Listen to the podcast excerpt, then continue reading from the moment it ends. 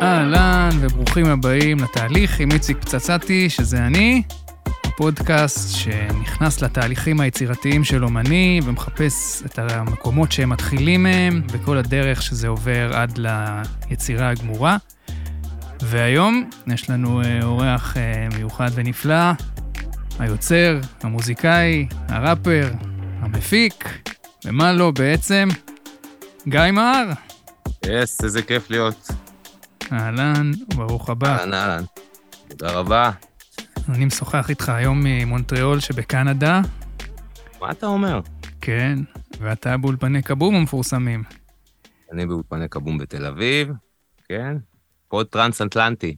כן, למעשה חלק מההקלטות uh, של האלבום של הדג נחש עשינו בקבום, והרבה מהתהליך היצירתי של הכתיבה שלכם עשיתם שם, אני מניח. נכון. נספר על זה עוד מעט, אבל uh, בוא נתחיל מאיזו שאלה כזאת. מה הדבר הראשון שאתה זוכר שיצרת? הדבר הראשון שיצרתי, אני זוכר אותי באיזה גיל 12 עם גיטרה חשמלית, למדתי גיטרה כשהייתי ילד, mm-hmm. מאיזה גיל 10 עד 17 אולי, משהו כזה. אני זוכר בגיל 12 את השיר הראשון שכתבתי, או משהו כזה, אולי 13, אני לא בדיוק זוכר. עד היום יש לי את השיר הזה, זאת אומרת, אני זוכר גם את ה... מה שהיה בגיטרה, את הפריטה בגיטרה, וגם את המילים, ומצחיק, זה כזה איזה שיר... השיר הראשון שכתבתי, שאפילו פעם הייתה לי להקה בגיל קצת יותר מבוגר, וניגנתי את זה, את השיר הזה עם הלהקה הזאתי. אי פעם הוא הוקלט? לא, לא הוקלט לעולם, לא. על מה השיר? וואי, אני לא כל כך זוכר, משהו אפלולי כזה, על, על בדידות, ובאנגלית זה היה. אה, וואו. כן. וואו, גיל 13, זה גיל, גיל של בדידות נראה לי. גיל של בדידות, כן. על גיל, שיר שתוצאה ישירה של גיל ההתבגרות, מצוקות גיל ההתבגרות. כן. טוב, אולי אחר כך תשלוף גיטרה ותנגן לנו את האקורדים? יש מצב. יפה. אז קודם תיארתי כל מיני תארים שלך ותפקידים שמילאת בעולם היצירתי, אבל הייתי רוצה לשאול אותך, איך, איך אתה מגדיר את עצמך, או איך אתה היית רוצה שיראו אותך מבין כל הדברים האלה? אני באופן די, אם אני מסתכל אחורה, רטרוספקטיבה, אני באופן די התמדתי שם לב שאני מחליף כובעים. זאת אומרת, היו לי כל מיני כובעים, וכל מיני דברים שהתעסקתי, שזה הדבר המרכזי שלי לאורך, לאורך הרבה שנים, וזה דברים שהתפתחו. זה התחיל בגיטרה ולהקות רוק, זה עבר לסאונדמן, ובמקביל לקריירה די-ג'יי. עד היום אני נשארתי די-ג'יי. שכחתי להגיד די-ג'יי בהתחלה. נכון. אני כבר די-ג'יי בדימוס, אני תליתי בעיקרון את הנעליים, אני מתקלט מאוד מאוד קצת כיום, אבל uh, מדי פעם, לעיתים נדירות. אבל הדי-ג'יי משהו שליווה אותי המון המון שנים. Uh, כל הפרוצדורה, כולל חתונות ואירועים, ובעצם לפני שהייתי בדג נחש הייתי די-ג'יי חתונות, ו...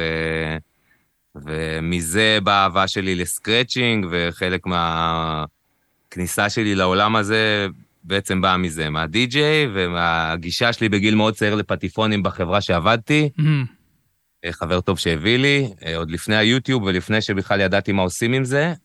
כן. ואז זה ככה עבר מדי-ג'יי לדי-ג'יי שמתרכז יותר בסקרצ'ינג ומתקלט עם פטיפונים. ובהמשך במקביל לקריירת סאונדמן, שזה היה העבודה שלי במשך 15 שנה, אני חושב. התחילה הקריירה עם הדג נחש,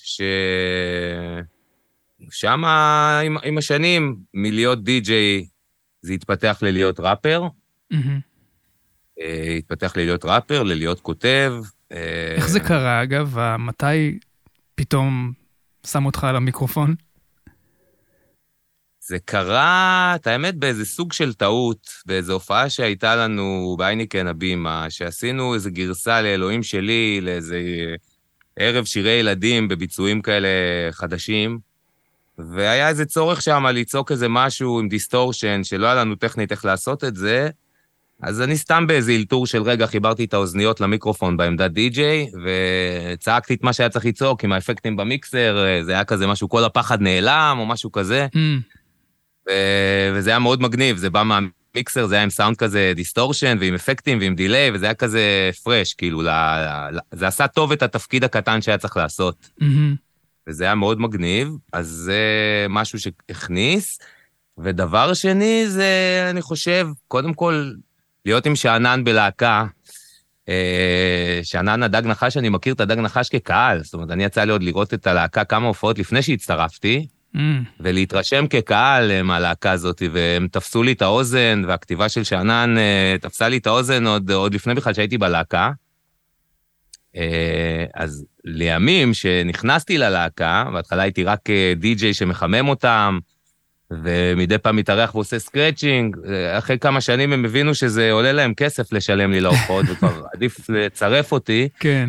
זה יהיה יותר פרקטי, וזו הופעה שהייתה בדרך שהוקלטה לא- לאיזה קסטה שבה אני עושה scratching, אז היה גם תיעוד לזה שמה שאני עושה זה נחמד, מהמם. כי תמיד לא כל כך זוכרים מה היה, אבל כשיש לך הקלטה, אז יש לך איזה רפרנס, אתה אומר, בואנה, זה, זה עושה משהו, כן. ו, ו, וזהו, והצטרפתי ללהקה, ושם בעבודה מרובת השנים על הטקסטים של שאנן, גם קצת באלבום הש...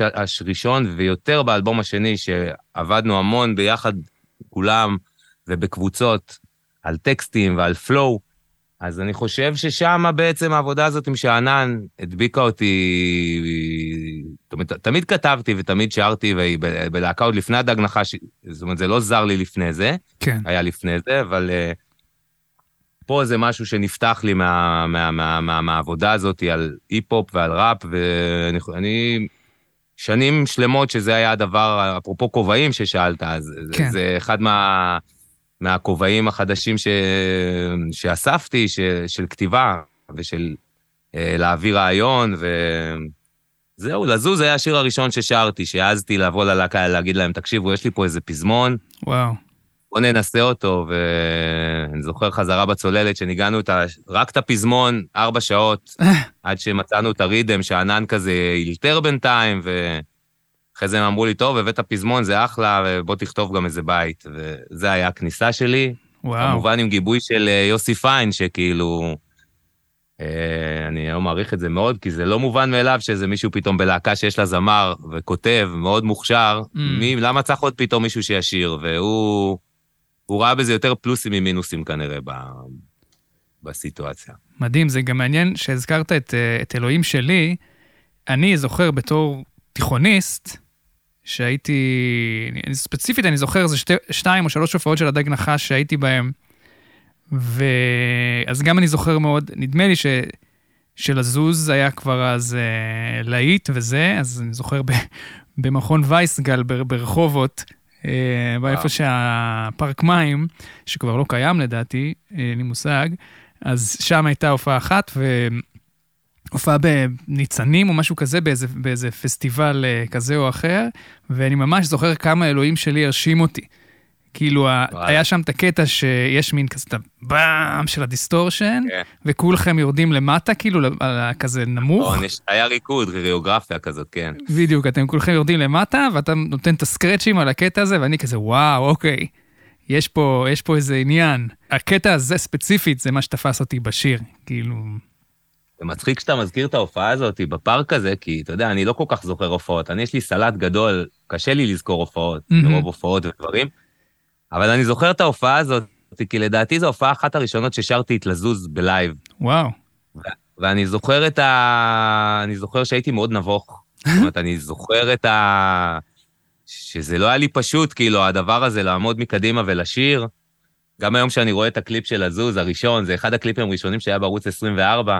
כן. אני שם עם אה, כובע, משקפיים, ואם היה מסכה, גם הייתי שם מסכה. זאת אומרת, הייתי... אה, אה, היה לי, היה לי קשה קצת לצאת מהצללים לפרונט, זה לא היה דבר שהיה קל. ומתי התחלת להתרגל לזה? תקשיב, זו שאלה, זו שאלה גדולה, אני חושב שזה תהליך מאוד ארוך, מאוד מאוד מאוד ארוך. אני יכול להגיד שבשנים האחרונות, אולי רק בשנים האחרונות, ממש מצאתי את, ה... את הזון שלי, כאילו, עד הסוף, בצורה, זאת אומרת, מלאה. אני יודע את הגבולות גזרה שלי, אני, אני בטוח במה שאני עושה, וזה לא משהו שבא מיד, זה באמת תהליך ארוך. כן. טוב, יהיה מעולה. אז uh, תשובה היא בעצם uh, הרבה דברים. הרבה דברים, הרבה דברים. אני, אני נוטה להשתעמם מדברים ולעבור הלאה. זאת אומרת, ברגע שהרגשתי, נגיד, שאני ממצה את הדי-ג'יי, אחרי שכאילו זה הכל חיי, ולהיות רזידנט במועדון, ולתקלט בחו"ל, והגשמתי הרבה חלומות שרציתי לחמם דפש מוד או את רוג'ר ווטרס, אומרת, היו לי כמה פיקים כדי-ג'יי לתקלט בדינמו, תקלטתי עם המון אנשים שאני מאוד מעריץ, וואו. ופתאום אתה מנגן איתם עד פרופסור וכל מיני, אפ בסטל אנד ריימס, כל מיני דברים שמאוד אהבתי ויצא לי ל- לפגוש אותם. זה בשבילי היה, והאספנות, האגרנות של התקליטים, זה היה חלק גדול מהחיים שלי. וברגע שנגמלתי מהאגרנות, וגם נהיה לי קצת פחות כיף לתקלט, כי הקהל קצת השתנה ויותר מבקשים מאשר uh, אתה מחליט מה לעשות, ככה הרגשתי באיזה שנים מסוימות. אז ההתמקדות שלי הייתה לעשות הסבה מסאונדמן שכבר עושה סאונד ללהקות PA הרבה שנים, לעבור לאולפן. Mm-hmm. תמיד היה לי אולפנים מגיל, גם מגיל צעיר, אבל העברתי את הפוקוס שלי להפקה ולמיקסים ולאולפנים, ובמקום לקנות תקליטים, לקנות ציוד. כן. ועשור אחרי זה, זה היה ההתעסקות שלי, להשתפר כמפיק, כסאונדמן, ו... ולהעמיד לעצמי פסיליטי שיכול לספק תשובה לכל ה... לכל מה שאני מפנטז לעשות. שזה אגב גם דבר נורא מעניין על דג נחש, שבעצם כולכם מפיקים. כן. ואני זוכר כשפניתם אליי לעשות את האלבום, אז זה היה כזה, אנחנו צריכים מישהו שיעצור אותנו, שכזה ישים לנו, כן. ישים לנו stop כשצריך. ואני בראש שלי כזה, וואו, בעצם כל אחד מכם הוא מפיק, בפני עצמו. אולי בגלל, אולי בגלל זה אנחנו יודעים כמה זה נחוץ שיהיה מפיק. יש לנו גם כזה בדיחה שאנחנו אומרים, צריך מישהו שיפיק את המפיק. כן. זאת אומרת, לפעמים אתה צריך להביא איזה מפיק שיפיק את ה... זאת אומרת, אוקיי, אה, באמת, כמו שאתה אומר, כולנו מפיקים, גם הפקנו מפיקים ונפיק, אבל צריך, באמת הפנייה הייתה אליך, כי הייתה הרגשה משותפת ש... זה טוב ויפה שאנחנו מפיקים, אבל פה בשביל לעשות את המשימה הזאת, אנחנו צריכים מישהו שכולנו מעריכים, שהוא מפיק, ו... והוא רגע, הוא חיצוני רגע. כן, זה מאוד הגיוני, כי בסופו של דבר זה או כן. שמחליטים שמישהו, שמישהו בלהקה הוא המפיק הראשי, וזה תמיד יכול לעשות קצת בלאגנים, מבחינת ההיררכיה והדינמיקה בלהקה, אני מניח. אז אה, כן, ומהצד שלי, זה נורא כיף, כי מן הסתם, יש, יש שפה כבר, יש שפה משותפת, גם ברמה הטכנית וגם וגם בכלל ברמה של הגישה עם, עם, עם כל האנשים בלהקה. אז yeah. כן. זה עושה את העבודה אחרת מלהקות אחרות, אני חושב. כן, יש זה, אני, אני קורא לזה מסננת, שיש, אה, כאילו, אתה מביא, אתה, אתה מייצר קיום למסננת מאוד איכותית. אתה צריך לגרום לתנאים שיהיה פה מסננת, אה, שתמיד יש לנו אותה, כי אנחנו שישה, אבל אנחנו תמיד צריכים עוד עוד, אה, עוד כמה חורים במסננת האלה אה, כדי לדעת מה יעבור ומה לא. אז זה חיבור מעולה שלנו לנושא של התהליך עצמו, המסננת הזאת, שבטח עוד נתייחס אליה כמה פעמים בדרך. אז כשאתה מתחיל ליצור, וזה יכול להיות לכתוב, זה יכול להיות להפיק דברים, לנגן, מה שזה לא יהיה, איפה זה קורה, אה, באיזה שעה ביום, תתאר לי איזה תמונה. קודם כל זה מאוד משתנה, כי אני יוצר כל מיני דברים, והם שונים, אז uh, הם, הם, uh, יש להם התייחסות אחרת. Mm-hmm. Uh, אני אנסה להסביר. זאת אומרת, אני, יש לי איזו רוטינה שימי ראשון זה ימים שלי. זאת אומרת, לא משנה מה אני עושה ומה ההתחייבויות שלי, אלא אם כן זה באמת לא סובל דיחוי. ימי ראשון זה ימים שאני אקדיש אותם לי. אני אהיה באולפן ואתעסק בדברים שלי, שקשורים לגיא מר, סלאש הדג נחש, mm-hmm. ואותם אני אקדם אה, אה, בימים האלה. כמובן שאם יש עוד ימים פנויים, אני אעשה אותם. ושאר החיים שלי מתנהלים על פי לו"ז ועל פי יומן. זאת אומרת, זה יכול להיות יום של מיקסים, יום של ככה, יום של זה. היצירה עצמה, היצירה עצמה היא מתחלקת, שזה ברמות, ברמה של התוכן, של הכתיבה, אז אצלי זה דבר, זאת אומרת, על בסיס יומיומי. אני כל הזמן רודף אחרי המשפטים, אחרי המחשבות, אחרי הרעיונות. אני אוסף אותם, אה, משתדל אה, לא להתעלם מכל איזה משהו טוב שקופץ לי, כי כבר יש לי ניסיון שזה ישמש אותי בעבר. ואיפה אתה שומר אה, אותם? יש לי הרבה מאוד מחברות, אני בעיקר עובד בנוטס, יותר נוח לי כבר דיגיטלית, אה, זה קופי פייסטים וכאלה. אה, לפעמים אני צריך מחברות כדי, בשלב של העריכה אני צריך הרבה דפים מולי כדי לשים את כל הדברים מולי על כל דף נפרד, ואז להבין איזה חתיכה מכל דף. אני צריך את זה ויזואלית, אבל uh, הנושא של הכתיבה זה יכול להיות, אני לא חייב להיות באולפן. זה נורא כיף לי לכתוב באולפן, אבל זה יכול להיות גם יום כזה שאני, אוקיי, היום אני נשאר בבית, אני כותב. אני לא... באולפן יהיה לי הסחות אולי וזה, אני אולי uh, פתאום ארצה לעשות ביט. עכשיו אני כותב. גם עם זה. אז זה, זה הכתיבה והיצירה יכולה להיות uh, בכל מקום, בבית או באולפן. וברגע שיש לי איזה רעיון, אני, אני, אני, אני מאפשר לעצמי. זאת אומרת, אתה אומר שעה או מקום, אין לזה חוקיות. אני הרבה פעמים עובד על... כדי, היצירה שלי מעורבבת בלהתאוורר ממשהו אחר שאני עושה. Mm-hmm. זאת אומרת, תסביר. אם עכשיו מקססתי, מקססתי עכשיו למישהו שיר יום שלם, ואני כבר קצת טחון מהשיר הזה, זה נראה לי הרגע המעולה עכשיו לחזור לשיר שעבדתי עליו ביום ראשון, והתחלתי, ולתת עליו כמה שעות, להוריד איזה תפקיד שתיים אולי, אה, ולעזוב את זה. Mm. וזה הלזניה, שאני כל פעם כאילו שופך עוד איזה משהו, אה, אומר, אוקיי, עכשיו בוא על השיר הזה אני אעשה פרי סטייל עשרה ערוצים, בלי לשפוט את זה, ויום ראשון הבא אני אשמע את העשרה ערוצים האלה ואני אבין מה היה שם. אז היצירה הזאת היא שלי היא מין יצירה כזאת שמתגלגלת, mm-hmm. שאני לאט-לאט אוסף. אני גם בימים אלה עובד על אלבום. מדהים. עובד על אלבום מספר 4, שנעצר לשמחתי בגלל שהדג נחש עושים אלבום, ושזה הגיע מאוד שמחתי לעזוב את האלבום שלי, ואת הלוח שהיה לי על הקיר עם השירים מחקתי, והעברתי לפול הלהקתי, כן. ועכשיו אני בשלב של מה שנשאר ו... ו... ומה יש לי עכשיו, איפה אני, אוקיי, השלמנו את המשימה, ועכשיו אני במשימה הבאה של היצירה שלי. כשאני עובד עם אחרים זה קצת אחרת, אני, עם אחרים אני אוהב להיפגש עם האומן, לשמוע את הרעיון של השיר שלו, ולדעת שביום הזה אנחנו יוצאים ממשהו, לא משנה מה. זאת אומרת, אנחנו mm. נביא את הטקסט, אנחנו נעשה ביט, אנחנו לא נשפוט את עצמנו ולא נערוך ולא נעשה כלום, אנחנו נשפוך את הרעיון, נמצא את ההרמוניה, נעשה איזה ביט, לא, לא נתקטנן על כלום. כן. וניתן לזה להשפריץ, נעמיד את הרעיון. ניסיוני הוא שהדבר הזה הוא ה... זה הרגע הכי משמעותי ביצירה, זאת אומרת, במיוחד עם אחרים. הפיצוח הזה ביחד של הסקיצה הראשונית, מה ששמים, הפעם הראשונה שהזמר שר את הטקסט הזה, שהוא כזה עוד קצת רועד, וכששמים את הכל, זה אצלי כאילו, ה... לרוב, לרוב, לרוב, ה...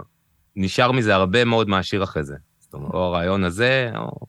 מעניין. לפעמים אתה בא למחרת ואומר, אוקיי, אה, let's do it again, כאילו, כן. זה גם קורה.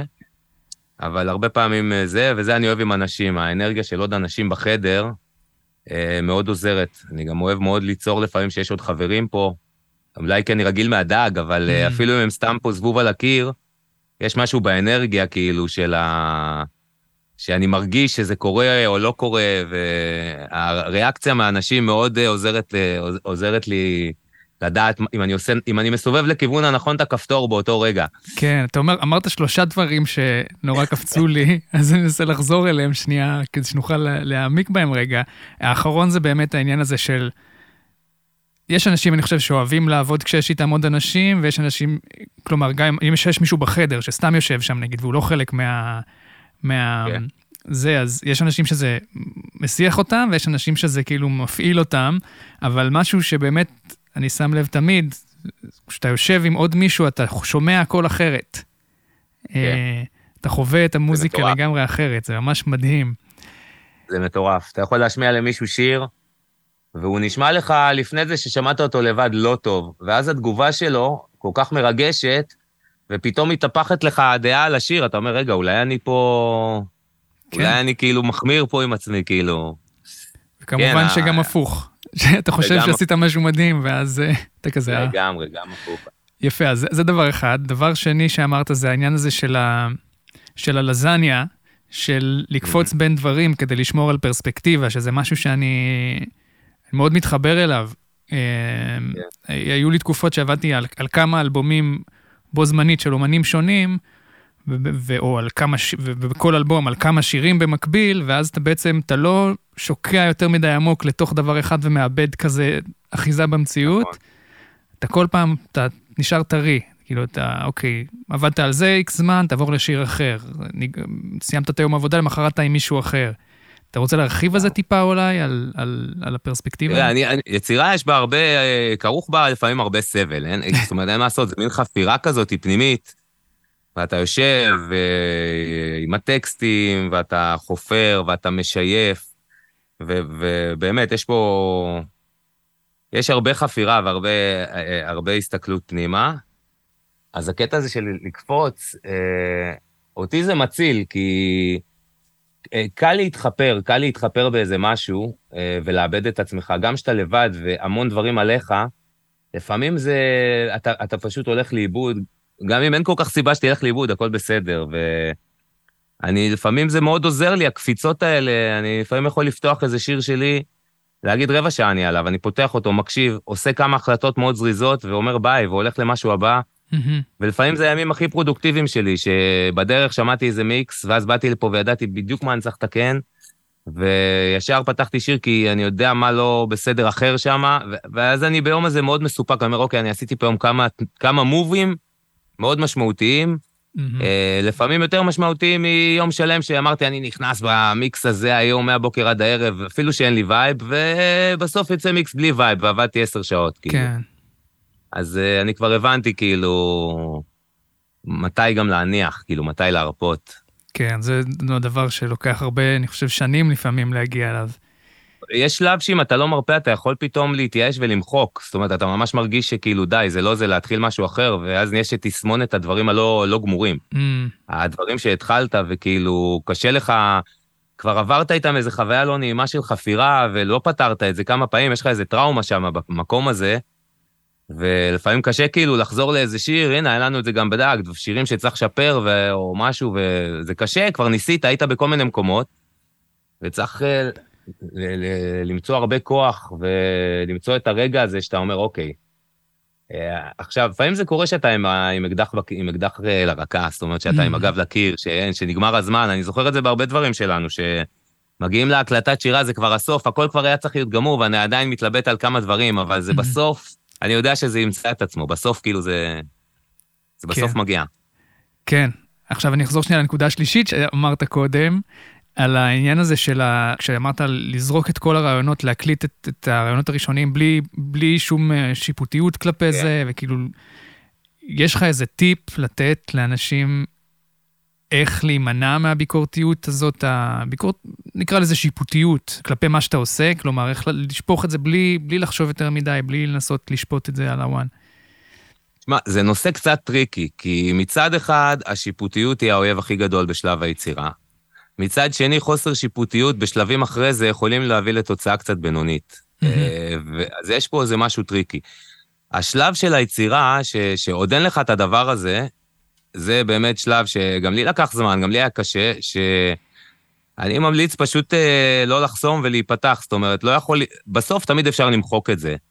אבל אני כבר, כבר זה, זה הוכיח את עצמו, אני והרבה אומנים, שברגע שאתה שם איזה חת, חתיכת מוזיקה, אפילו אם אין לך עוד אה, טקסט, או אפילו אם אתה לא יודע מה, איך אתה שם את הטקסט, אם אתה אינטואיטיבי, תרוץ על זה ותוציא מעצמך. זאת אומרת, אני יודע שברגע שאני משחרר ונכנס לזון הזה ומתחיל להוציא, להוציא, לא לחשוב, ולהוציא ולהוציא, ולפרי סטייל, וזה גרוע, מקשקש, לאט לאט זה מתפקס, לאט לאט אני מבין, לאט לאט משהו טוב נתפס לי.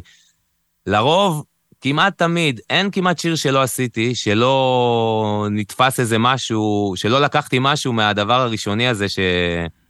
שבא בלי שחשבתי. לפעמים יוצאים שם פלואים או איזה צירוף דברים שכאילו, אני אומר, וואי, בחיים לא הייתי כותב את זה, זה mm. קרה רק כי ניסיתי.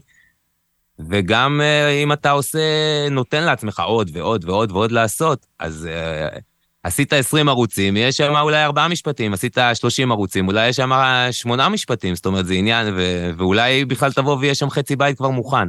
כן. אז אני הבנתי שזה יותר מתגמל מלא. היו הרבה דברים שרציתי בחיים שלי למחוק גם טקסטואלית וגם מוזיקה, שירים שאנחנו אחרי זה שנים עשינו בהופעות והצליחו. אז אני כבר אמרתי לעצמי, תשמע, אתה אידיוט, אתה אסור לך, אל תמחוק, אל תשפוט, אתה לא יודע כלום, אתה עכשיו צינור, ואחרי זה אתה אולי תבין. ו... צריך גם לפספס פעמים איזה אלף פעמים בשביל לפגוע אחד ממש טוב, אני מאמין בזה. כן, זה גם מתחבר לי למשהו שהזכרת קודם, אתה הזכרת את זה מהזווית של...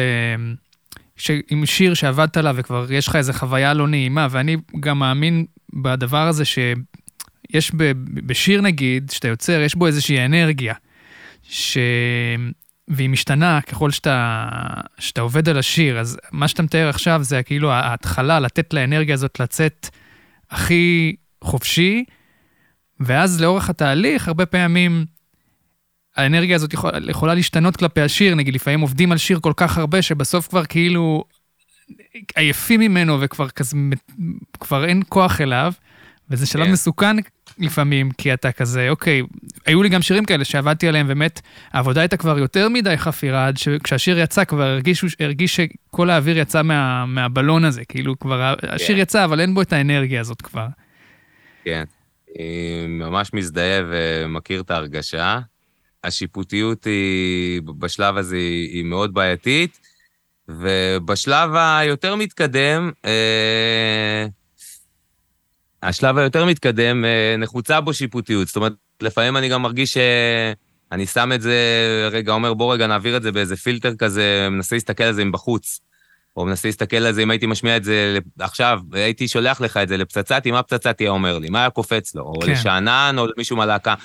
נותן לעצמי איזה רפרנס כזה, ולפעמים התשובות קופצות, קופצות לי בלי ששלחתי לך את זה. כן. אומרת, אני יכול אה, להגיד, אה, אוקיי, זה כנראה שהוא יגיד משהו על המשפט הזה, כי גם אני כנראה שמה לא... Mm. אה, יש לי איזה סימן שאלה, או...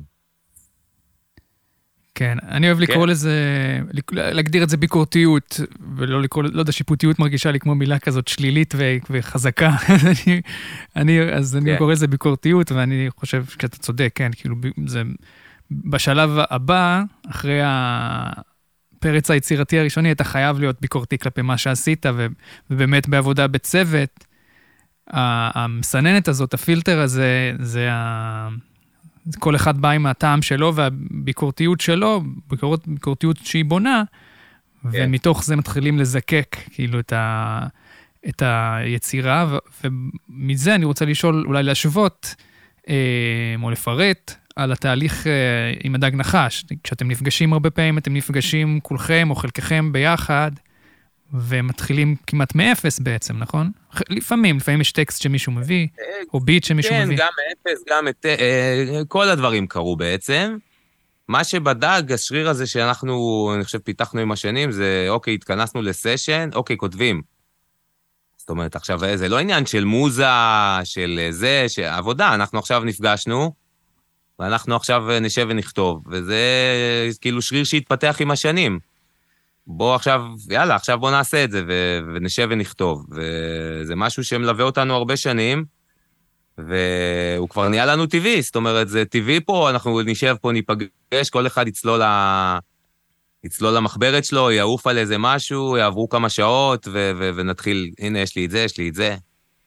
אז זה מין משהו שהוא כבר מאוד בסיסטמה, ובגלל גם כנראה, מן הסתם שאני בלהקה, אני מאוד רגיל לתצורה הזאת. לאנשים, אה, הרבה פעמים מהצד זה מאוד, אה, מאוד מוזר, כי הם מאוד קנאים, היצירה היא מאוד פרטית, אישית. Mm. אה, ובלהקה זה יכול להיות קצת אחרת. כן, זה מעניין, דיברתי על זה גם עם שאנן בפרק שלו, על, על mm. איזה חומרים נוטים לכיוון הסולו ואיזה חומרים הולכים כן. ללהקה. כן. הגיוני שזה כאילו, אתה יכול, בקבוצה אתה יכול להגיד משהו מסוים, ולבד אתה יכול להגיד דברים אחרים, וזה נראה כן, לי... כן, לגמרי, גם יש לנו איזה מין אה, אה, שפה משותפת וסטייל משותף, שכאילו יש לו איזה גזרות כאלה, וכמה שהן רחבות, וגם בתוך הגזרות האלה עשינו המון דברים. אה, זאת אומרת, המוזיקה שלנו יחסית אקלקטיק, עשינו כל מיני סגנונות ודברים, כן. היריעה היא רחבה. אבל אה, כן, זה גם הכוח בעצם של הקבוצה. וגם ההבדל בין הליצור ביחד לליצור לבד, שהוא ללא ספק הבדל, בגישה אפילו. כן. ומהצד שלי, סתם זה מעניין אולי לספר, שהרבה מהזמן שאתם בעצם עבדתם על, כתבתם את השירים, אה, אני הייתי בניו יורק או במקומות אחרים בעולם, והייתי פשוט מקבל מכם אה, סקיצה של איזשהו שיר, ואז אני הייתי פתאום פילטר אה, יותר אה, נקי, נקרא לזה. לגמרי. ואז שמעתי משהו, ואו שכאילו נגנבתי עליו לגמרי, או שכזה אמרתי, ככה או ככה אפשר לשפר את זה, או אה, וככה הדברים עברו מפילטר אחד לשני, הלוך חזור, עד ש... עד לרגע האחרון בעצם, גם, עד אחרי ש... גם אחרי שהקלטנו, המשכנו לפלטר את זה. לגמרי, לגמרי. אז בתור בן אדם שבאמת עושה הרבה דברים שונים, גם בסאונד, ההפקה, ואתה מרגיש שיש עוד מיומנויות וכלים שאתה ממש עובד עליהם, שאתה כזה לומד עליהם, באיזה חלק מהתהליך, מהרוטינה שלך, או שזה פשוט בא מתוך העבודה עצמה? אני פריק של למידה, זאת אומרת, אני חלק מהשנים, זאת אומרת, הללמוד הזה הוא משהו שאני מאוד אוהב. אני פריק של טוטוריאלים ושל uh, סרטונים ושל... זאת אומרת, זה מאוד מעניין אותי, הקטע הטכני, הקטע היצירתי, אני שואב כמה שאפשר מכל מקום. יש לך המלצות למאזינים? איפה לחפש uh, מידע, בתחום, נגיד בתחום ההפקה או הסאונד? אין לי איזה משהו ספציפי, אבל אני חושב שמי שכאילו בעניין, אז, אז, אז החומר הזה נורא נגיש. זאת אומרת, מישהו שרוצה לראות אה, טריקים באבלטון, או להיחשף לאיזה כמה פלאגינים משוגעים שהוא לא נחשף, או לראות מישהו עובד באולפן ולקבל השראה איך הוא עושה ביט על MPC.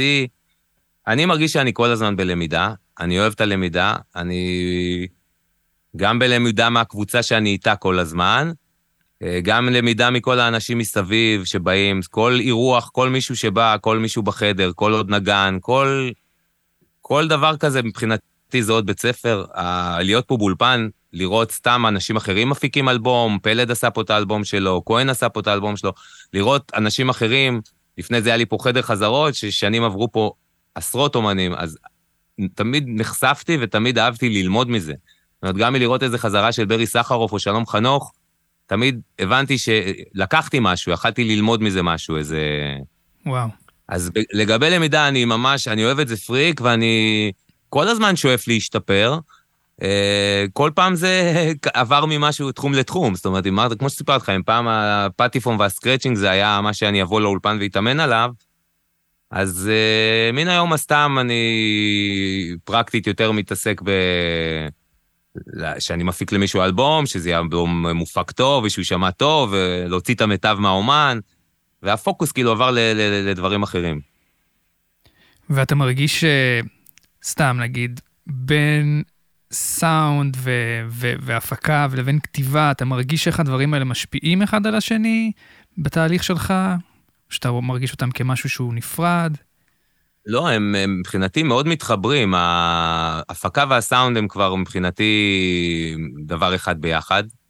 זאת אומרת, הרוב, כשאני מייצר איזה ביט או משהו, אני אה, רוצה שהוא יישמע כבר ב, ב, בסאונד שלו. אני כל הזמן בשאיפה להגיע למיקס הגמור, אני חושב שהרבה עובדים כבר ככה, אנחנו...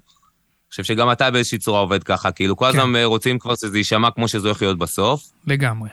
וגם כמפיק זה משהו שמאוד uh, מטריד, כמפיק למישהו אחר, כשאני מפיק למישהו אחר, אני בעצם מרגיש שאני אני שאוב לתוך הצרות של מישהו אחר. זאת אומרת שהשירים שלי זה צרות במרכאות שלי, במרכאות, כן? ועכשיו אני מטפל ב... יש לי... צריך לפתור פה בעיות של מישהו אחר, ש... וזה באהבה, זה שהוא בא אליי זה כבוד, ו...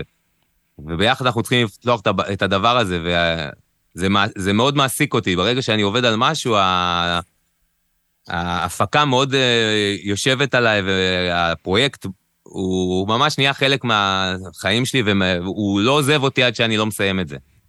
זה נורא אני חייב לחיות את זה, אני חייב לחיות את זה כל הזמן, כל, אני יכול להכין סלט ולחשוב על השיר ועל הצ'יינג' ואם זה היה טוב, או אם, אם צריך לעשות משהו אחר. אני צריך לעבור איזה תהליך עם זה, עם עצמי, עם הרבה שעות של חפירה, הקשבה ודיבור עם עצמי, כדי להיות רגוע שעשיתי את כל מה שצריך. אני גם ככה, ובאמת אני, כל, כל פרויקט כזה הופך להיות החיים באיזשהו מקום, פשוט כן. חלק מהחיים שלך לתקופה מסוימת. תלך לך לחיים לאיזה תקופה. ומה שמעניין גם זה שכשהוא נגמר, אז, הוא, אז כל מה שהיה כזה חלק כל כך משמעותי מהחיים שלך פשוט נעלם. אולי באמת עם החומרים שלך או עם הדג נחש זה שונה, כי אתה עוד מנגן נכון. אותם אחר כך, מופיע איתם. זה מאוד מוזר, זה מאוד מוזר. אתה עובד עם אומן, יצא לי הרבה אומנים שהפקתי, להקות, אומנים, תקליטים, כאילו אלבומים, שאתה עובר איתו תהליך קרוב, אינטימי, חודשים, אה, באמת, קרובים, ו- ועוברים המון המון אה, דברים שצריך לפתור ומשוכות בדרך, ופתאום זה נגמר וזה יוצא החוצה, וזהו, כאילו, יש איזה... יש כאילו איזה מין ואקום ריקנות כזאת, שרצוי שתתמלא מהר בעבודה הבאה, כי אם לא, אתה כזה ממש מרגיש כאילו... שכאילו התרגלת לאיזה תדר שאין אותו פתאום. כן, וזה באמת הקטע זה תמיד לעבור לדבר הבא, אחרת זה באמת מין ואקום אה, מאוד מוזר. כן. אה... אני חושב שבגלל זה, אני לא יודע אם זה גם אצלך ככה, אבל uh, הוואקום הזה הרבה פעמים יכול להתמלות בדברים שלך. זאת אומרת, אם אתה עכשיו סיימת, אז גם יש לך דרייב, עשית עכשיו למישהו אחר, ופתרת כל כך הרבה דברים, ויצרת כל כך הרבה בשביל מישהו אחר, ואני חושב שזה גם קצת ממלא אותך, אתה אומר, אוקיי, עכשיו בוא נעשה קצת לביתי, וזה גם נותן לך איזה פוש ליצירה שלך, אתה חם כזה, אתה בא... אני הרבה פעמים, אחרי שאני מפיק לאחרים, אני מרגיש שזה נותן לי בוסט ואנרגיה למלא את החלל הזה, לחזור לדברים שלי ו... ו- to deliver. כן, אני מתחבר, ו- וגם בכיוון ההפוך אני מרגיש את זה, שכשיש לי משהו אחר, אז הדברים שלי נדחקים אחורה. אה, כן. ובעיניי, כאילו בשבילי זה לפעמים קצת חבל אולי, כי אני לא, אני לא כן. מצליח, כן. עדיין לא, לא למדתי ל, לאזן בין הדברים. אז כשיש לי פרויקטים אחרים גדולים וזה, אז הם משתלטים לי על החיים, כמו שאמרנו, ו, ואני באמת צריך את הוואקום הזה בשביל לחזור לדברים שלי. אז זה נקודה, נקודה חשובה. טוב, אז אם דיברנו קצת על הפקה וזה, ואתה שם באולפן, אז אולי תספר קצת איך אתה אוהב להקליט. אה, כי גם, גם לאלבום, את האלבום של הדג הקלטנו הרבה ממנו באולפני העוגן, אה, בעיקר את כל הלהקה ו, וחלק מהשירה שלכם, וחלק מהשירה הקלטנו גם אצלך, והרבה פעמים, אני בכללי אוהב להקליט את השירה כזה, לא כמו שרואים בסרטים מעבר ל... החלון. מאחורי החלון, כן, בתוך התא כן. ההקלטה, מה שנקרא בוס. אז uh, אני לא אוהב את החציצה הזאת, אני אוהב להיות ביחד בחדר. כולם צריכים להיות עם אוזניות כדי שהמוזיקה לא תיכנס לתוך המיקרופון, אבל, אבל להיות ביחד בזה, ובאמת, אז עשינו את זה גם באולפני העוגן וגם בקבום, אבל אצלך באמת, לפעמים הלכנו, הקלטנו את זה באמת עם רמקולים פתוחים, בלי אוזניות, שכל הרעש יכול להיכנס לתוך המיקרופון. אמ, אולי, אולי תרחיב קצת על זה, על מה זה נותן. קודם כל, באמת, אה, אה, הרבה מהשירות הקלטנו פה, והרבה מהברסים והדברים האלה התעסקנו אחרי זה פה. אה, יש איזה משהו עם, אה, עם הקטע הזה של רמקולים פתוחים, אני גם מרגיש את זה איתי, שכשאתה שר מול רמקול פתוח, אתה מביא תוצאה יותר טובה, וזה קצת מבאס. אבל אה, לפחות אני יודע שאני שר עם בלי אוזניות ועם רמקול פתוח, אפילו אם אני אגיד עכשיו אה, שזה פשע לעשות את זה, כן, באיזושהי צורה, אבל... אה, כי יכול לצאת משהו נורא טוב, ואז בעצם רק האלמנט הטכני מפריע לך, וזה נורא חבל. אבל יש איזה משהו לפעמים שזה שווה את ה... שווה... היו לי כמה שירים שסבלתי טכנית מהצורת הקלטה שלהם, אבל עד היום אני לא חושב שיכלתי לעשות את זה אחרת. זאת mm. אומרת, הייתי חייב את ה... את ה... שיהיה את ה vibe הזה בחוץ, ש... ש... שנרגיש את זה, לא להיכנס לאוזניות. עכשיו, זה לא גורף.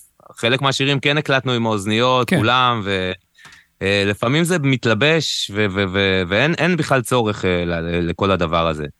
אבל לפעמים יש משהו ב vibe שצריך, אה, צריך את ה vibe, ו... ולפעמים זה, זה... לפעמים זה עוזר ל vibe, לפעמים זה מביא את התוצאה. ו... כן. ואחרי זה, זה שמנסים לעשות עוד כמה טייקים עם אוזניות, התוצאה קצת פחות אה, משכנעת. אה, אז אני, החוק שלי עם עצמי, שאני לבד מקליט, אז אה, אני משתדל כן עם אוזניות לעשות את הראשון הזה, למרות שזה כיף לי, לא? כי אני יודע שהראשון הוא priceless, כאילו. Mm. אז אני מנסה לא לנצח את, ה, את הקושי הזה, כי אני עוד טעון ב vibe, עוד לא עשיתי את זה, עוד לא נטחנתי, אני, אני עוד מרגיש את זה מאוד ראשוני. אה, זהו, אנחנו הקלטנו פה וגם בחרנו אם להשתמש במיקרופון דינמי כזה קשוח, או, או כמו שאנחנו עכשיו מדברים, או לשים איזה נוימן יותר מלטף, תלוי בסיטואציה כאילו שהייתה. ו- וזהו, זו הייתה חוויה מאוד מאוד מאוד כיפית. גם הברסים להקליט אותם פה היה מאוד כיף ומרגש. נעשה רק ברסים למי שלא מכיר, זה כלי נשיפה. ואגב, את כל הכלי נשיפה הקלטתם בעצם, אני בכלל לא הייתי שם. זה היה כאילו, עשיתם משהו זה, והכל היה מדהים, שלחתם את זה אליי, ואני שיחקתי עם זה עוד קצת, וקצת אה, מתבאס שלא יכולתי להיות שם, אבל אה, מה שיצא אה, מדבר בעד עצמו. ו, ורק נ, נרחיב אולי את מילון המושגים בשביל מי שאולי פחות uh, מכיר את העולם הטכני, אז מיקרופון דינמי הוא מיקרופון שהוא uh, פחות רגיש, ואתה בדרך כלל שר לתוכו uh, מקרוב, ולכן הוא גם קולט פחות רעשים מבחוץ, כלומר, אם דיברנו על להקליט עם רמקולים אה, פתוחים שמשמיעים את המוזיקה, אז הוא, המיקרופון יקלוט פחות מה, מהסאונד הזה ויותר את השירה, ומיקרופון שהוא נוימן, כמו שנוימן זה אחת החברות, קונדנסר הוא הרבה יותר רגיש ו, וגם נשמע יותר חד וצלול, ודווקא לפעמים זה לא מה שאתה רוצה. כמו שאמרת לי, אני גם זוכר באחד... לפעמים הימים. זה לא מחמיא, לפעמים זה יותר מדי פרטים, זה לא משרת את המטרה. לפעמים... אה, כן, אתה רוצה שזה יותר... אתה רוצה את זה טיפה מגורן. כן. אז, אה, אז זה באמת היה נורא נורא כיף.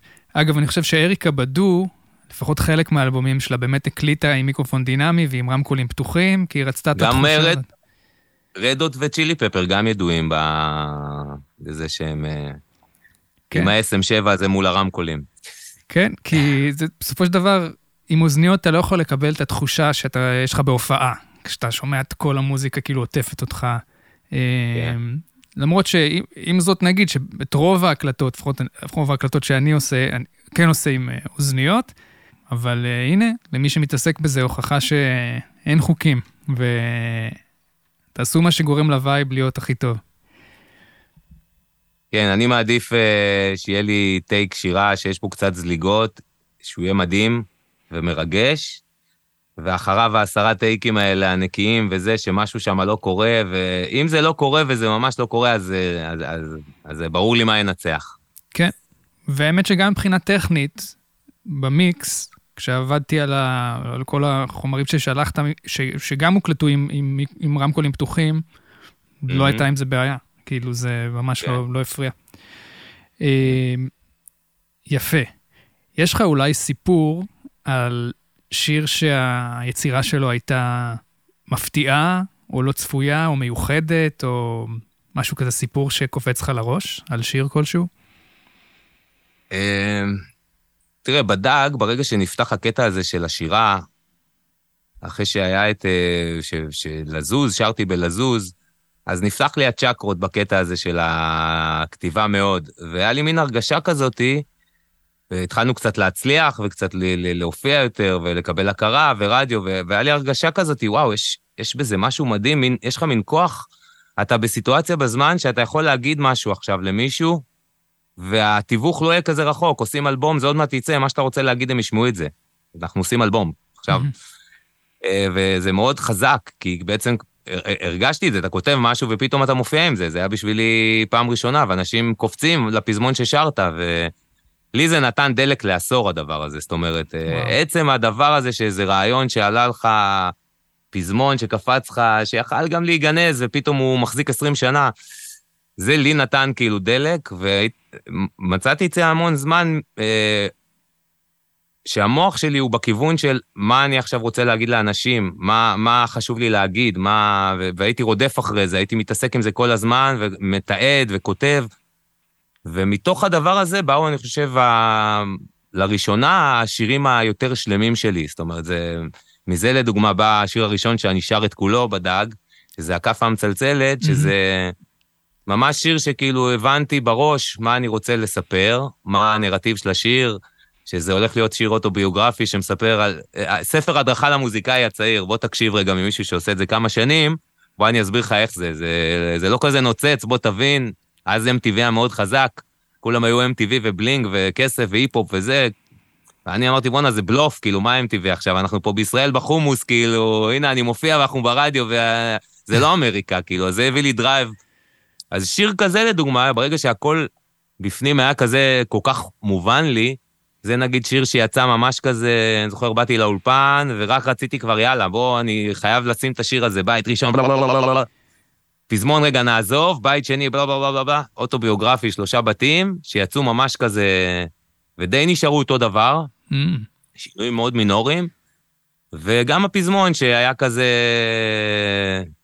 היה לו כבר את הכיוון, ואחרי זה בהקלטות כבר דייקנו אותו. אבל זה, זה משהו ככה שאני זוכר את, ה, את ההשפרצה הזאת, ושזה גם היה טוב. אני ידעתי בסוף השיר שהוא שיר טוב, שאני כתבתי שיר טוב, אתה לא תמיד יודע את זה. Mm. הרבה פעמים אתה לא בטוח, אתה אוהב חלקים, אתה לא אוהב חלקים, וזה היה מבחינתי פעם ראשונה שהרגשתי, וואו, יש פה משהו, אני שלם איתו. אם נתעכב עליו עוד טיפה, מתי המוזיקה, מתי הביט והלהקה נכנסו לתוך המשוואה? אז זה שיר שממש התחיל רק מטקסט, בא עם טקסט, שלושה בתים ואיזה פזמון כזה חצי פתור. הוא נכנס ללהקה, הוא עבר את מבחן הטקסט. זאת אומרת, הלהקה אמרה, אוקיי, זה, הבאת פה טקסט טוב, הוא נכנס לפול של ה... אנחנו גם נעבוד עליו. Mm-hmm. ובשלב יותר מאוחר אה, אה, פשוט התאמנו לו, התחלנו לחשוב מה הביט שיתאים לו, ועשינו איזה רפרנס כזה לג'ייזי, שאז כזה MTV ו Big Pimpin', כאילו, כן. אה, שאלנו משם קצת משהו מהאווירה, עשינו איזה, איזה רפרור. וזה אחד מהדברים שאני ממש זוכר. ובהמשך, כמובן שהיו עוד... כל שיר כזה, איך שהוא נולד, הקסם הזה, זה משהו שאני... אני לא אזכור הופעות, אני לא אזכור זה, אבל שירים שהם נולדו, הרגע הזה שזה קרה, זה משהו שאי אפשר לשכוח. זה באמת חוויה... אה, גם אם זה איזה ג'ם שפתאום אה, במיקרופון, אני לא, legal, legal, legal, legalize, ואתה אומר, וואי, זה יכול להיות הפזמון, ופתאום זה הפזמון, זה מטורף הדברים האלה, זה דברים שכאילו... priceless. מדהים. ועוד שאלה לגבי הכאפה המצלצלת, אם כבר נכנסנו אליו, הצבע קול שאתה משתמש שם, כלומר, הצבע הגבוה הזה, מאיפה זה בא? הרי זה, זה מאוד ספציפי, מאיפה זה הגיע? זה סיפור טוב. אה, תכלס, במקור אני שרתי את השיר ובאתי, וה vision שלי היה לשיר את זה, אחי, אני עכשיו פה ראפר הכי motherfucker שיש, ורציתי לשיר את זה כזה קול נמוך, bassy, ו... וזה היה ה plan שלי, ולשם הייתי מכוונן. ויוסי פיין שהפיק את האלבום ואת השיר, זרם איתי, נתן לי להקליט ככה, הפיק אותי את כל השיר ככה, את השירה ככה, נמוכה, ואני חשבתי שסיימנו, ואז הוא אמר בסוף, טוב, עכשיו נעשה שני ערוצים של קולות גבוהים כאלה, רק בשביל שיהיה חיזוק. ואמרתי לו, יאללה, בכיף, בכמה מקומות, הוא אמר, בוא נעשה כבר על הכל ואחרי זה נבחר. ועשיתי את כל השיר כזה, כל מוזיקאי מוצא את עצמו, ממש הליום כזה, כל השיר. אה, וזהו, וכאילו, מבחינתי זה היה איזו תוספת שהייתי, לא הייתי בטוח בכלל שהשתמשו בה. ובפעם הראשונה שבאנו לשמוע את השיר כמה ימים אחרי זה, פשוט הוא הוריד את השירה הנמוכה והשאיר רק את הגבוה, ואני כזה הזדעזעתי, ואני, מה, מה אתה, אתה נשמע כמו איזה אידיוט, מה אתה עושה וזה. והוא אמר לי, תקשיב, זה מקליל את השיר, זה, זה, זה the right thing to do. בוא תשמע את הקודם, בוא תשמע את זה. מה יותר, מה יותר מצחיק? ונאלצתי ל- ל- לשים את הזנב בין הרגליים ולהגיד לו, אתה צודק, אני לא אוהב את זה, אבל אתה צודק. וזה, זה הסיפור של השיר הזה. עשו לי קטע. מדהים. זה... קטע טוב. ו- ועוד דבר מעניין מבחינת הסאונד של, של, של המיקס של השיר, זה שבאמת יש שם שני קולות ששרים את השירה הראשית, ואחד לגמרי בצד שמאל, באוזן שמאל, ואחד לגמרי באוזן ימין. אני חושב שבדג, אלבום 2-3, זה היה הטריק. זאת אומרת, בלזוז וב... אה, מה היה אחרי זה? בעזרת הג'ם, אה, חומר מקומי, סליחה, זה שני אלבומים שזה הטכניקת שירה שלנו. זאת אומרת, הקלטנו left right, הכפלה מלאה, אה, לפעמים אולי גם קצת אמצע בחלק המקומות, חוזרים לזה, אבל השירות הם סטריאו מוחלט עם המשחק הזה שהן לא כל כך זהות בשני הצדדים, mm-hmm. משהו כזה שקצת עושה את השירה יותר מלאה. זה הרבה שנים היה הפריסט שלנו, ושנים אחרי זה היה איזה סוויץ' כזה שאמרנו, אוקיי, בוא, בוא, עוברים למשהו יותר אינטימי. כן. גם אני חושב שזה קצת השתנה, זה משהו שהיה נורא נהוג כאילו בסאונד, ולאט לאט זה עבר כזה ליותר אה, מיקרופון אחד, אולי אוטוטיון, אולי זה, משהו ככה עבר ליותר אינטימי, ובאיזה שלב אימצנו את זה גם. כן. הטכניקה הזאת, באיזה שלב נטשנו אותה, אבל באמת זה היה ככה במשך שנים. כן, כי אני יכול להגיד על העבודה על האלבום אה, הזה, שלנו, שעשינו ביחד עכשיו, שבאמת בחלק מהמקומות היה מגניב לחזור קצת לסאונד הדג נחשי הקלאסי הזה עם השירה המוכפלת הזאת, ובחלק מהמקומות אמרנו, אוקיי, לא, אנחנו רוצים את זה מאוד אינטימי ואישי ו... קרוב, כן. ו- וקרוב, אז, אז הלכנו עם שירה אחת כזאת uh, באמצע, בפרצוף. אני אישית גם כבר במקום הזה, זאת אומרת, אני הרבה שנים כבר מרגיש שזה לרוב משרת לי יותר טוב את השיר שהזמר הוא על ערוץ אחד, ואני אשקיע בקישוטים בעוד ערוצי אדליפ ובכל מיני דברים, אבל אשתדל שהוא יסחוב את זה בערוץ אחד. טוב, מדהים. דברים אה, משתנים, דברים משתנים. כן, כן. הרבה פעמים גם כן, אתה מזהה תקופה לפי איך שהשיר נשמע, אה, ואז אתה יכול לשחק עם זה, ולהגיד, אני רוצה לרפ... לעשות איזה רפרנס לפעם, זה מעניין.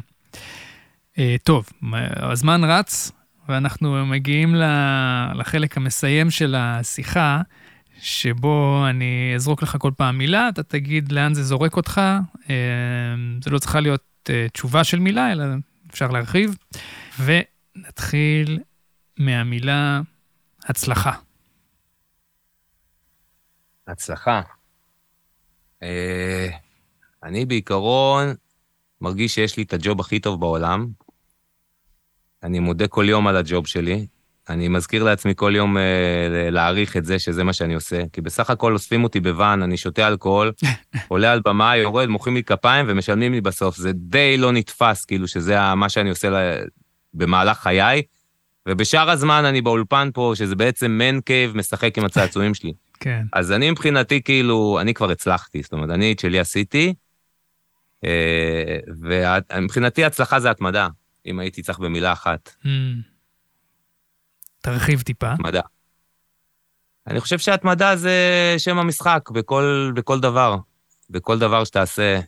זה נורא קלישאתי, אבל זה ממש ככה, ובמיוחד במוזיקה, אני חושב ש...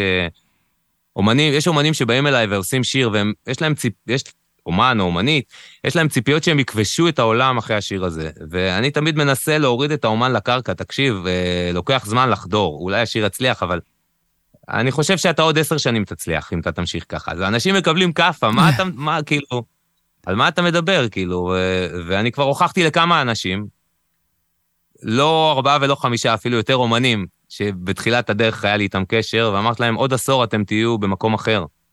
וואו. אתם תהיו במקום אחר אם אתם תתמידו, וזה כל פעם מוכיח את עצמו. אומן שממשיך ולא עוצר, ולרוב, כן, זה לא, אין בזה מובטחות, אבל uh, אם מישהו עושה את מה שהוא אוהב, מאמין בזה ולא עוצר, הוא יישא בזה, הוא, הוא יישא פירות. הוא יישא פירות מהדבר הזה. אז אם uh, אתם לוקחים משהו אחד מהשיחה שלנו, מאזינים יקרים, אז uh, הנה, זה היה זה.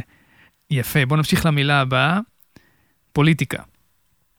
פוליטיקה, מנסה להתחמק ממנה, לא כל כך מצליח, מנסה ל- ל- ל- להשתבלל, להרחק מהדבר הזה, אבל זה באיזושהי צורה רודף אותי. אה, אני חושב שכל הקטע הפוליטי, החברתי, הוא, הוא חלק נורא ב-DNA שלנו, אני חושב ששאנן, יש לו חלק גדול בזה שנדבקנו כולנו בדבר הזה, mm. בקטע טוב.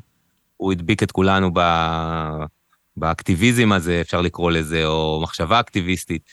אצלי זה חדר מאוד, אני, זה הרבה פעמים חודר ליצירה שלנו אפילו בלי שאנחנו רוצים. אנחנו כן. צריכים להיאבק בזה שזה לא יהיה, לא למחות על משהו שקורה, זה... אז אני חושב שזה, פוליטיקה היא חלק, חלק נכבד מהחיים שלנו. המילה הבאה, טכנולוגיה.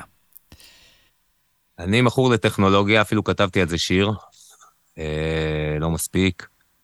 אני מאוד אוהב טכנולוגיה, תמיד הייתי טכנולוג, תמיד הייתי חובב גאדג'טים, אה, וכפתורים, ולחצנים קטנים.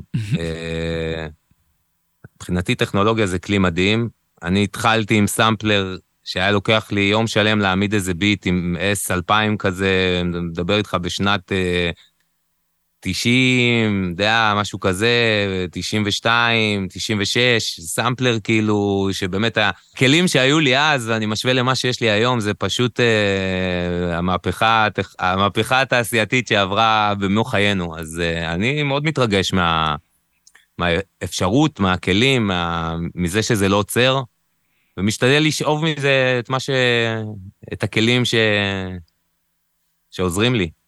איזה כלי עכשיו אה, מגניב אותך?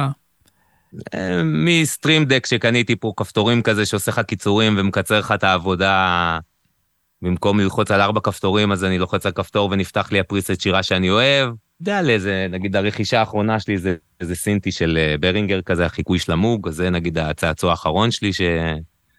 שקניתי כי רציתי באסים יפים. כיף. כן, כיף גדול.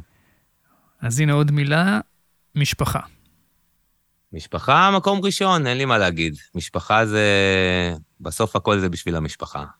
ואם אמרנו משפחה, אז עוד מילה, ילדות. אה, ילדות? הייתה לי אחלה ילדות. הייתה לי ילדות uh, טובה, משוחררת, מאפשרת, uh, בירושלים, באווירת כפר, הרבה עצמאות מגיל מאוד צעיר. Uh, רחוק מאיך שהילדים שלי היום, גם הם עצמאים, אבל uh, זה לא אותו דבר, זה לא אותה תקופה. Mm. Uh, זהו, נראה לי זה גם איזה משהו שמעצב את האופי. להיות עצמאי בגיל צעיר. מה אתה מרגיש ההבדל בין התקופות הכי גדול? היום לאז? כן. אני חושב, מה שמאפיין בעיקר את העשור האחרון זה עודף אינפורמציה. עודף אינפורמציה מכל כיוון. Uh, אני חושב שזו המגפה העולמית הכי בולטת. יותר מדי אינפורמציה, יותר מדי תכנים, יותר מדי אכילת ראש. Uh, זה, זה מאתגר, ה, מאתגר אותנו לבחור מה טפל ומה עיקר. כן. אה, כי זה פשוט עף עלינו מכל כיוון, ולא תמיד אנחנו בוחרים מה אנחנו רוצים לצרוך. אה. ואתה מרגיש שאתה צריך לשמור על הילדים, נגיד, מהדבר הזה? או, ל, או ל, לכוון אותם אה, בתוך זה? אני לא יודע, אני פשוט, אני בכיתה א' יכלתי לחזור מהבית ספר ולחצות ארבעה כבישים ראשיים, לבוא ברגל והביתה. אני לא רואה את הילד שלי בכיתה א' חוזר ברגל וחוצה כביש אחד, אתה מבין? Mm. העולם קצת השתנה.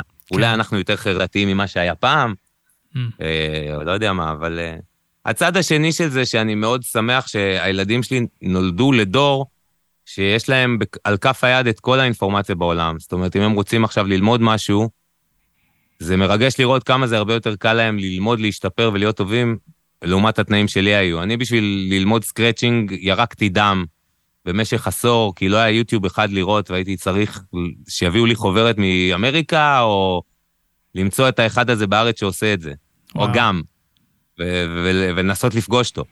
וואו. אז אה, זה דבר מדהים, שהיום הילדים יכולים להגיד, אוקיי, אני רוצה להיות מתופף, פותח את היוטיוב, וחצי שנה אחרי זה הוא מתופף. כי הוא מתאמן ויש לו סרטון, אתה יודע.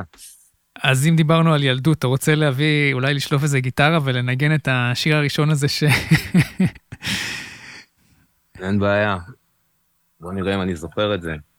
אני לא אזמר לך, אבל אני רק זוכר שזה היה משהו כזה.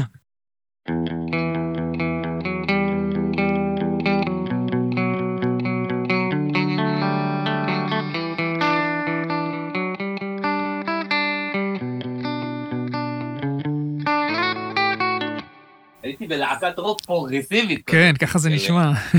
כאילו, אתה יודע, למדתי ג'אז וניגנתי בלהקת רוק, זה חיבור אה, מאוד דפוק. מדהים. טוב, אז בנימה זו, היה לי כיף גדול. כיף גדול, תענוג, תודה, שמחתי להיות. ויאללה, גירדנו רק את קצה הקרחון, זה מרגיש לי, אבל uh, בסדר, מקסימום נעשה עוד אחד בהמשך. יס. יאללה. יאללה, הצלחות. גם לך ולנו ביחד. לגמרי. יאללה, ביי.